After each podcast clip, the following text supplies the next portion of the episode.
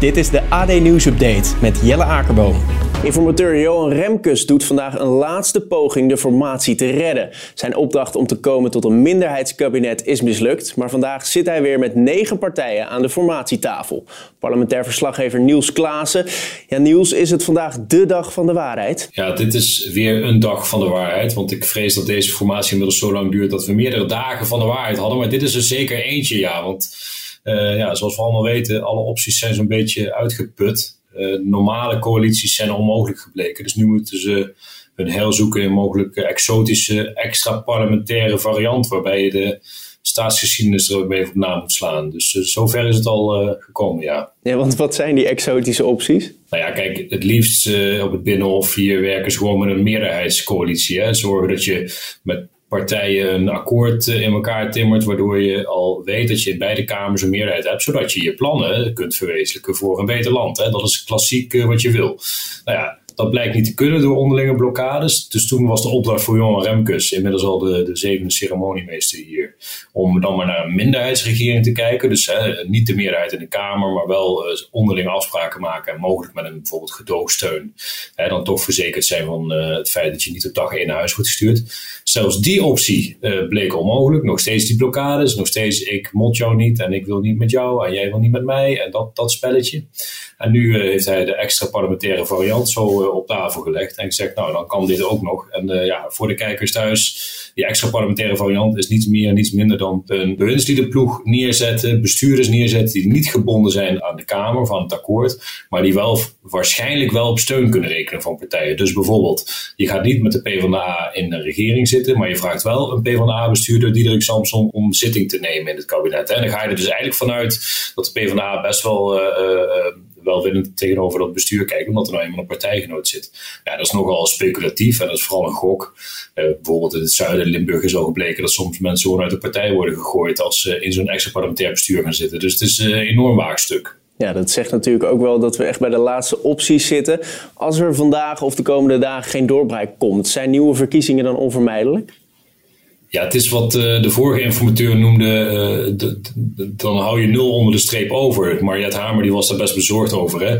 Die zei toen, um, ik, ik tref hier iets aan, dat is eigenlijk ongekend. Mensen zijn het inhoudelijk best wel met elkaar eens, maar ze blokkeren elkaar om politieke redenen, uit angst voor beeldvorming.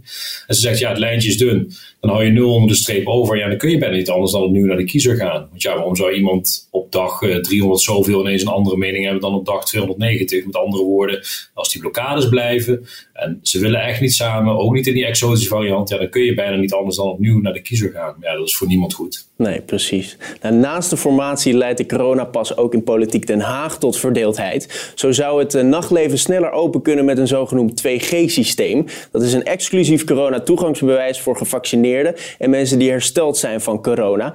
Hoe werkt dat 2G-model en waarom komt deze juist nu ter sprake? Ja, het is een beetje een heikel onderwerp. We zien nu ook al uh, gedoe over 3G, uh, zo gezegd. Hè. De coronapas nu al zwaait verdeeldheid. Kijk eens naar het restaurant in Utrecht waar uh, protesten zijn. Maar kijk, dat 2G-beleid is eigenlijk gebaseerd op de veiligste optie. Uh, kijk, voor virologen is het helder. Als je genezen bent, dus onlangs genezen bent, een half jaar geleden genezen bent, of volledig gevaccineerd, ben je het meest veilig dan heb je uh, immuniteit. Hè? Dus, dus stel nou dat je dan onverhoopt toch nog tegen een ander aanloopt die, die geïnfecteerd is, of je raakt toch besmet, dan word je veel minder erg ziek. En ook de kans dat je het overbrengt is, iets lager. Maar vooral de impact op jouzelf als je, als je besmet zou raken, is veel minder als je gevaccineerd bent of al genezen bent.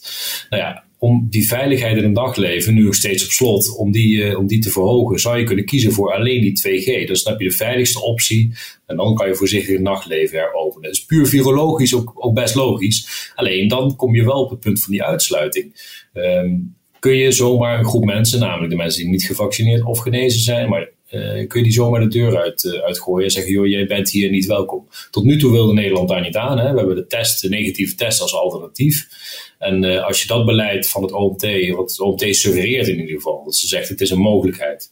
Als je dat over zou nemen, ja, dan ga je toch het pad op van, van uitsluiting, vrees anderen. Ja, want voor de duidelijkheid, we zitten nu in dat 3G-systeem. Genezen, gevaccineerd, getest. Getest zou in dat 2G-model dan afvallen. Een meerderheid in de Tweede Kamer is tegen dat 2G-model. Waarom is dat? Ja, ze voelen ook wel aan dat het, een, dat het een brandbaar onderwerp is in die zin. Omdat je, kijk, als je een heel lage vaccinatiegraad zou hebben en je bent nog lang niet aan versoepelingen toe, ja, dan is het misschien nodig om een tijdje te overbruggen, zou je kunnen redeneren. Of dan is het een ander verhaal. Maar Nederland, ja, we zijn bijna toch wel bij die finish. Ik bedoel, we zitten boven de 80, dadelijk 85 procent vaccinatiegraad.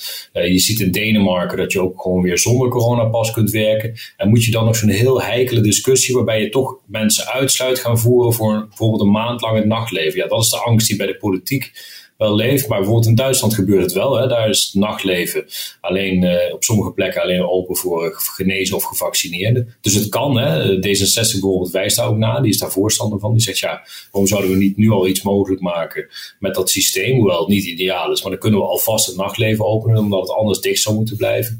Ja, de andere partijen willen daar niet aan. Zitten toch te veel op de uitsluiting en het discriminatoire aspect daarvan. Dat je toch een groep mensen buiten de deur houdt. Ja, Niels Klaassen, dankjewel voor je uitleg. We spreken hier nog wel even over door met Rob de Jong, eigenaar van de Amsterdamse club Nix. Rob, goedemorgen. Goedemorgen. Ja, hoe sta jij eh, persoonlijk tegenover dat 2G-model? Ja, ik denk dat het totale onzin is. Het, is, uh, het nachtleven is niet gesloten zoals uh, mijn voorganger net suggereerde. We zijn open. We zijn afgelopen zaterdag voor het eerst open gegaan.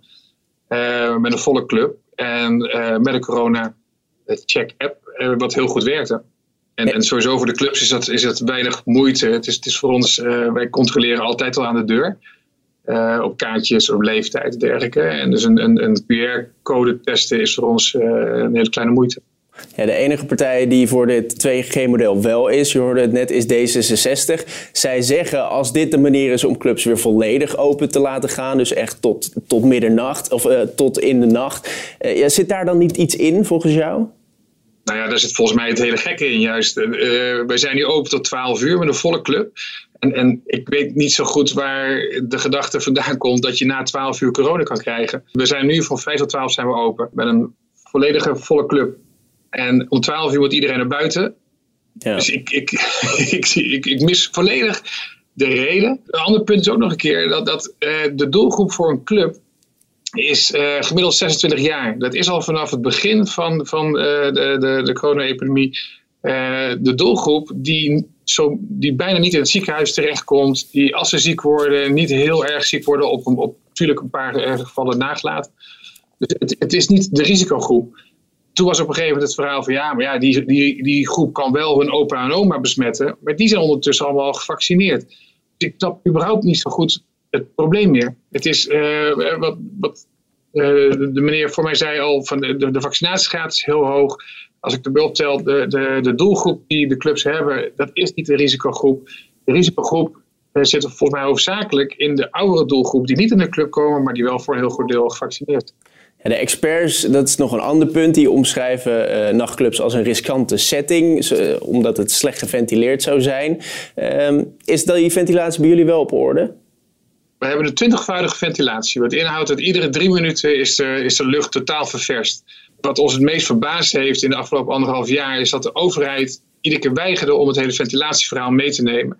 Terwijl ze dan nu dus wel suggereren dat het slechte ventilatie zou zijn. Op alle testen en onderzoeken die er gedaan zijn, zijn juist in de nachtclubs is de ventilatie heel erg goed, extreem goed. En dat moet ook omdat je in een hele korte tijd krijg je heel veel mensen in de ruimte. Heel veel energie, heel veel warmte af. Dus je moet goed ventileren. Anders dan, uh, dat was al voor corona. Anders dan uh, vallen mensen met bosjes neer, omdat het gewoon uh, te warm wordt en, en te weinig zuurstof binnen zou komen. Dus dat, er, dat het slecht geventileerd zou zijn, dat is helemaal niet waar. En wij hebben hier ook onderzoek gedaan in, met, met aerosolen en, en hoe, hoe snel zijn die weg. Dat bleek ook uit van die ventilatie, dat is het probleem niet. En wij hebben dat field lab onderzoek gedaan. We hebben ook aangegeven, die ventilatie moet goed zijn. En, daar zijn ook wel weer middelen voor om dat, dat te testen per zaak. En als er dan wel een zaak tussen zit die ventilatie niet op orde heeft, dan moet je daar iets aan doen. Maar het is natuurlijk absurd om te zeggen dat alle nachtclubs uh, niet open kunnen omdat er slechte ventilatie zou zijn. Dus jij zegt hoe het nu gaat, 3G-systeem, dat checken, dat is voor ons prima, alleen dan liever de hele nacht open. Ja, het is nogmaals, het is, nu zijn we tot 12 uur open. Ik denk dat ze in Den Haag hadden bedacht dat, dat mensen niet uh, naar een nachtclub zouden gaan als het maar tot 12 uur is. Nou, gelukkig is dat absoluut niet zo. Dus, mensen stonden om 5 uur voor de deur te wachten dat we open gingen en, en om 7 uur zat de, zat de club helemaal vol. Dus die 12 uur, die, die is nou, in mijn beleving totale onzin. Rob de Jong, dankjewel voor je uitleg. De 34-jarige Owner K. staat vandaag terecht voor een viervoudige moord. In maart van vorig jaar werden zijn moeder, vrouw en twee kinderen dood aangetroffen in hun huis in Etteleur. Johan van Uffelen, verslaggever van BN De Stem.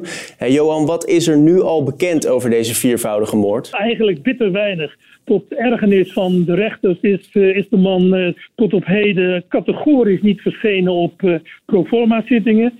En hij ontkent alles.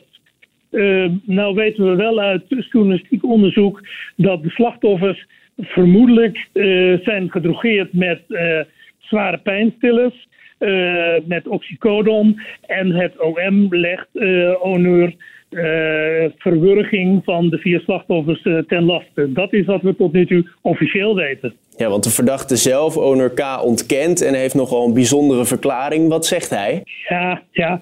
kijk, bekend is dat hij een uh, online gokker was. Hij was behoorlijk gokverslaafd. Hij zat tot over zijn oren in de schulden. In 2019 werd hij uit zijn huis gezet omdat hij de hypotheek niet kon betalen. Toen is het hele gezin bij zijn moeder ingetrokken. En hij zegt nu, ja, uh, criminele geldschieters, ik had geld geleend. Die hebben mij ontvoerd en toen mijn gezin uh, vermoord. Tja, dat is zijn verhaal. Ja, gaat het OM daarin mee? Nee, absoluut niet. Uh, politie en justitie hebben geen enkele aanwijzing gevonden voor dit verhaal. Het zal vandaag vooral gaan over de geestelijke gezondheid van de verdachte. Is daar al iets over bekend? Ja, ook hier moet ik zeggen, uh, weinig, weinig. Uh, de man is uh, zeven weken lang onderzocht in het Pieterbaancentrum. Maar er is eigenlijk geen duidelijk beeld over hem naar voren gekomen. De gedragsdeskundigen concluderen niet dat hij ontoerekeningsvatbaar is. Maar ook niet dat hij mogelijk bij zijn volle verstand handelde. En ja, dat zal wel een belangrijke vraag worden vandaag tijdens de zitting. Want uh, ja, wel of niet ontoerekeningsvatbaar is ontzettend belangrijk uh, voor de strafbaarheid. Is iemand dan wel of niet strafbaar? Ja, zeker. We gaan het afwachten vandaag tijdens de zitting. Johan van Uffelen, dankjewel.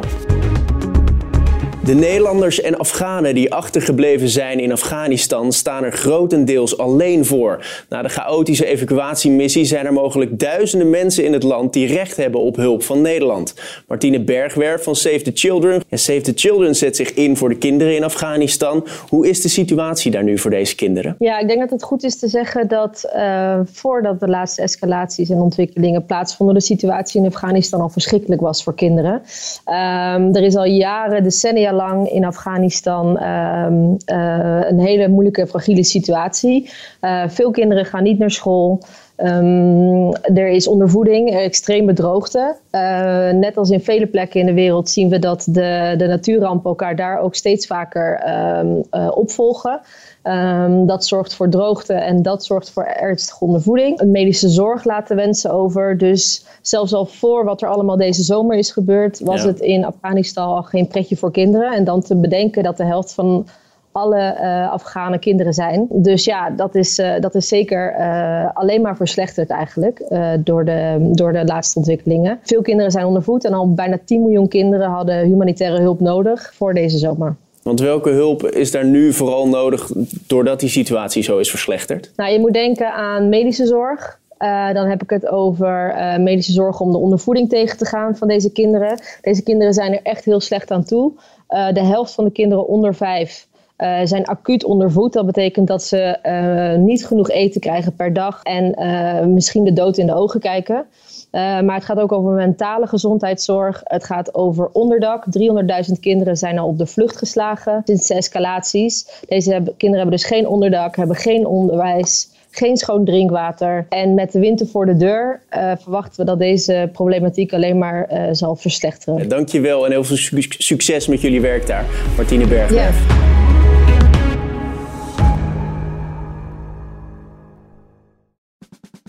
Luister ook naar onze podcast Politiek Dichtbij. In een half uur praten we hierbij over de stand van zaken op het Binnenhof. En niet alleen vanuit de wandelgangen in Den Haag, maar ook vanuit een regionaal perspectief. We zijn te vinden in onze app, op Apple Podcast en op Spotify. En wie zijn wij dan? Wij zijn Leonard Beekman en Tobias den Hartog.